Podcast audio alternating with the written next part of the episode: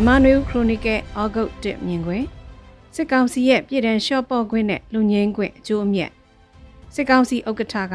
မာရဝီဇယစင်းလူတော်လို့အမည်ပေးထားတဲ့ဗုဒ္ဓရုပ်ပွားတော်အနေကစားတင်ပွဲကိုဒုတိယဝါဆိုလပြည့်နေ့ဖြစ်တဲ့ဩဂုတ်လ၁ရက်နေ့မှာအနေကစားတင်တဲ့အခမ်းအနားကျင်းပချိန်မှာဗုဒ္ဓဓမ္မစကြာနေ့အထိမ်းအမှတ်နဲ့အကျဉ်းသား9900ကျော်ကိုလွန်ငင်းခွင့်ပေးတဲ့အကြောင်းထုတ်ပြန်ကြေညာပြီးတပြိုင်နက်တည်း ဒေါအောင်ဆန်းစုကြည်နဲ့ဦးဝင်းမြင့်တို့ပေါ်စီရင်ချက်ချမှတ်ထားတဲ့အမှုအချို့ကိုပုံမှ401အရလူငင်းခွင့်ပြုတဲ့အကြောင်းကြေညာလိုက်ပါတယ်။ဒါအပြင်တေတံချမှတ်ခံထားရသူတွေရဲ့ပြည်တံကိုလည်းတသက်တကြွပြည်တံအဖြစ်ပြောင်းလဲလိုက်တယ်လို့တိုင်းသားလက်နက်ကိုင်အဖွဲ့နဲ့ဆက်သွဲသူသို့မဟုတ်လက်နက်ကိုင်အဖွဲ့ဝင်ဆိုတဲ့ဆွဆွဲချက်နဲ့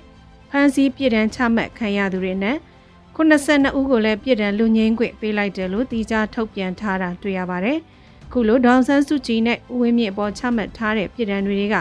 နိုင်ငံများသောပြည်တံလျှော့ပေါ့လိုက်ခြင်းကအများမျှော်လင့်နေကြတဲ့ဒေါန်ဆန်းစုကြည်ကိုလွတ်မြောက်ရေးနဲ့အများကြီးလှမ်းဝေးနေတာဖြစ်ပြီးလက်ရှိနိုင်ငံရေးပြဿနာကိုပြေလည်စေမဲ့လက္ခဏာလည်းမဟုတ်တာတွေ့ရမှာဖြစ်ပါတယ်။အကျဉ်းချခံနေရသူ9900ကျော်လုံငင်းခွင့်ပေးလိုက်တဲ့ဆိုတဲ့ကြေညာချက်ကိုကြည့်ရင်လည်းဒီအရေးအတွက်အတိုင်းအမှန်တကယ်လှုပ်ပေးရလားဆိုတာစီစစ်ဖို့ခက်ခဲတယ်လို့လူမြောက်သူတွေရဲ့90ရာခိုင်နှုန်းကျော်က နိုင်ငံရေးပုံမှန်တွေနဲ့ဖမ်းဆီးပြည်တန်းချမှတ်ခံရသူတွေမဟုတ်ပဲရာဇဝတ်မှုတွေနဲ့ပြည်တန်းချမှတ်ခံရသူတွေဖြစ်တာတွေ့ရမှာပါ။ဆီယနာသိမ်းပြီးနောက်နိုင်ငံရေးရာစန့်ကျင်သူ PDF လက်နက်ကိုင်းလှုပ်ရှားမှုတွေကိုကူညီထောက်ပံ့သူတွေကိုဖမ်းဆီးတာအမှုဖွင့်တရားစွဲဆိုပြည်တံချတာတွေကိုအထိန်အကွတ်မဲ့စစ်ကောင်စီကလှုံ့ဆော်နေတာကြောင့်အကျဉ်းထောင်တွေထဲဖမ်းဆီးခံရသူတောင်းကနန်းနဲ့ချီရှိနေပြီးရန်ကုန်မန္တလေးလိုအကျဉ်းထောင်တွေမှာအကျဉ်းသားဥယေပြည့်ရှံနေတာဖြစ်ပါတယ်။ အကျဉ်းထောင်တွေမှာရှံနေတဲ့အနေအထားမှာခုလိုတစ်နှစ်မှ၃ချိန်ဝန်းကျင်လူငင်းခွင့်ကြီးညာရမှာရာဇဝတ်မှုနဲ့ကြာခံနေရသူအများစုကိုလှုပ်ပေးပြီးအဲ့ဒီရေအတွက်တွေထဲလူသိတဲ့နိုင်ငံရေးလှုပ်ရှားသူသတင်းသမားနဲ့ celebrities တချို့ကိုရောထဲကစစ်ကောင်စီနဲ့ဝါဒဖြန့်ချီရေးလုပ်နေကြဖြစ်ပါတယ်။ခုတစ်ချိန်မှာတော့ခုလောလုံငင်းခွင်နဲ့ထင်ရှားလူသိများတဲ့လွတ်လာသူမစိုးတလောက်သာပါဝင်ပြီးဒေါ်ဆန်းစုကြည်နဲ့ဦးဝင်းမြင့်တို့ရဲ့ပြည်တန်းနှစ်အနှဲငယ်ကိုပါဝင်အောင်ရည်ရွယ်လှုပ်ဆောင်တာဖြစ်ပါတယ်။ ဂျာကီရပိုင်းတွေကထွက်ပေါ်ခဲ့တဲ့ဒေါအောင်ဆန်းစုကြည်ကိုအကျဉ်းအောင်ကနေပုံမတက်တောင့်တက်တာရှိတဲ့ဒူဝင်ကြီးအိယာကိုရွှေ့ပြောင်းနေဆိုတဲ့သတင်းတွေကိုစစ်ကောင်စီဘက်ကထပ်မံရင်းဆိုလိုက်ပြီးဒေါအောင်ဆန်းစုကြည်နဲ့စကားပြောဆွေးနွေးနိုင်ခြေရှိတဲ့ဆိုတဲ့ထွက်နေတဲ့သတင်းတွေကိုပါခြေဖြတ်လိုက်တဲ့အနေအထားလည်းဖြစ်ပါတယ်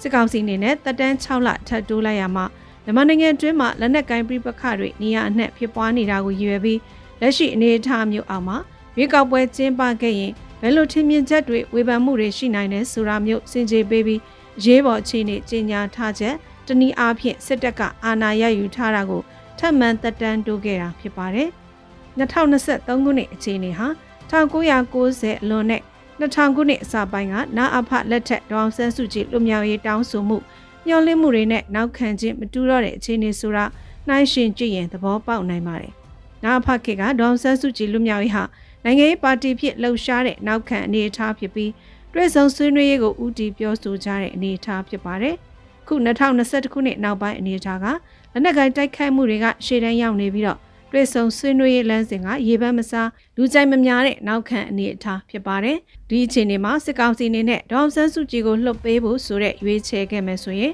၎င်းတို့အတွက်ဘာအကျိုးအမြတ်ရမလဲဆိုတဲ့အချက်နဲ့ချိန်ထိုးစဉ်းစားမယ်ဆိုတာတန်တရားဖြစ်စရာမရှိပါဘူး။ ကဲ၍ဒေါအောင်ဆန်းစုကြည်ကိုလွတ်ပေးလိုက်ခဲ့ရင်၎င်းကလက်နက်ကိုင်းခုခံတိုက်ခိုက်ရေးလမ်းစဉ်ကိုမယုံကြည်ပါဘူးမထောက်ခံပါဘူးနိုင်ငံရေးပြဿနာကိုနိုင်ငံရေးနီလန်းနဲ့သာဖြေရှင်းကြရမှာဖြစ်တယ်လို့ပြောမှာလား